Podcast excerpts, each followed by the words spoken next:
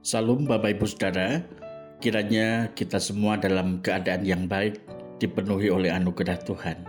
Mari kita berdoa. Tuhan kami bersyukur kepadamu oleh karena engkau menolong kehidupan kami supaya tetap bertumbuh secara rohani mengenalmu melalui firman dan dalam keluarga Allah yang saling menopang. Kami bersyukur dalam nama Tuhan Yesus. Amin. Saat ini kita akan merenungkan firman Tuhan dari Mazmur 119 ayat 37 sampai 38. Demikian bunyinya. Lalukanlah mataku daripada melihat hal yang hampa.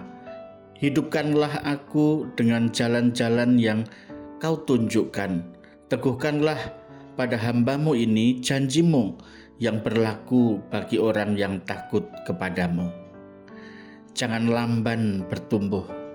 Tuhan menghendaki supaya setiap orang yang sudah diselamatkan tidak hanya berhenti untuk menikmati anugerahnya, melainkan juga supaya kita mengalami pertumbuhan dan menghasilkan buah dalam kehidupan sehari-hari. Namun sering kali kita mengalami kendala untuk bertumbuh ke arah Kristus dan menghasilkan buah sehingga perjalanan rohani kita seperti berjalan begitu lamban, bahkan stuck berhenti di tempat. Ada beberapa hal yang sering kali menghalangi pertumbuhan kehidupan rohani kita.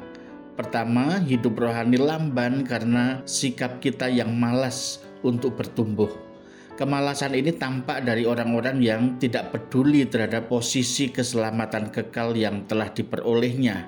Mereka menganggap acuh terhadap kehidupan rohani, mereka tidak akan bergeming sedikit pun jika berkaitan dengan hal-hal yang rohani. Tidak ada upaya yang dilakukan untuk menumbuhkan kemajuan dalam pengenalannya akan Tuhan.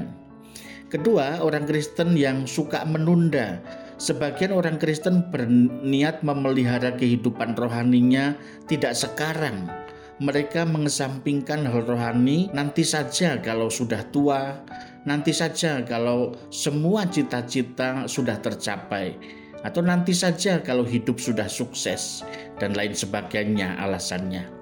Nah, alasan-alasan ini sepertinya logis bagi beberapa orang, namun jika dicamkan dengan serius tentu akan sangat berbahaya dan fatal sebab menunda waktu untuk mengenal Tuhan justru membuat kita kehilangan pengalaman hidup bersama dengan Tuhan. Dan iya kalau waktu hidup kita itu seperti yang kita rencanakan padahal yang menentukannya adalah Tuhan.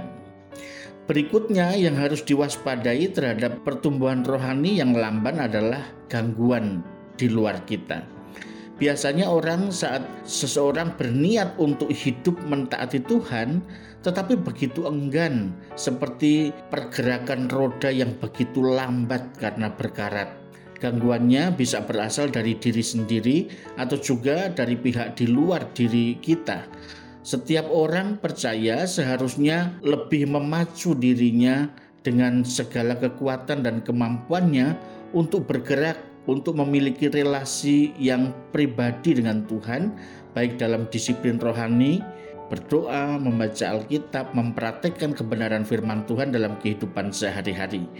Bagian ini adalah bagian dan tanggung jawab kita, bukan kita lemparkan kepada Tuhan.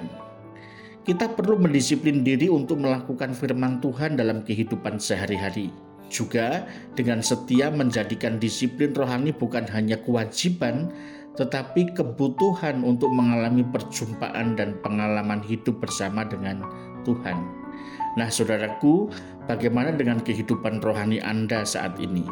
Sudah berapa lama Anda menjadi seorang Kristen? Apakah keadaan kita masih sama seperti dahulu sebelum kita mengenal Tuhan, atau sudah ada pergerakan yang maju? Apakah kita hidup sebagai orang Kristen yang benar-benar membuat Tuhan Yesus bangga terhadap kita? Doa saya untuk kita sekalian. Mari kita berdoa. Tuhan tolonglah kami untuk semakin hari semakin menyenangkan hatimu.